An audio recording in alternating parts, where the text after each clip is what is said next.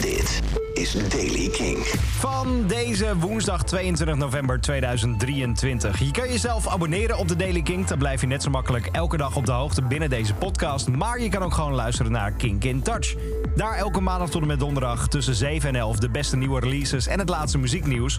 Vandaag in de Daily King nieuws over Guns N' Roses, The Kills en een nieuw bijzonder project rondom The Hives. Jasper Leidens. Eerst Guns N' Roses zanger Axel Rose. Hij is door een voormalig penthouse-model aangeklaagd wegens seksueel misbruik.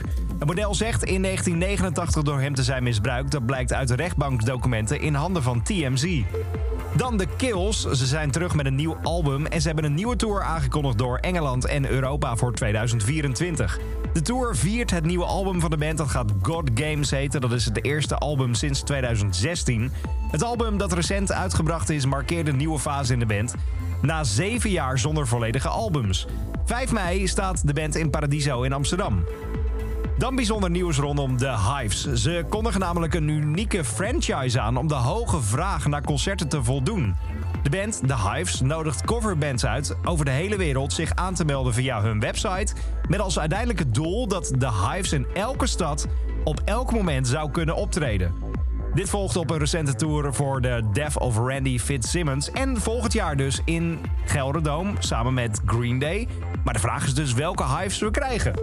Tot zover deze editie van de Daily Kink. Op de hoogte blijven van het laatste muzieknieuws. Luister dan naar Kink in Touch of net zo makkelijk elke dag naar deze podcast.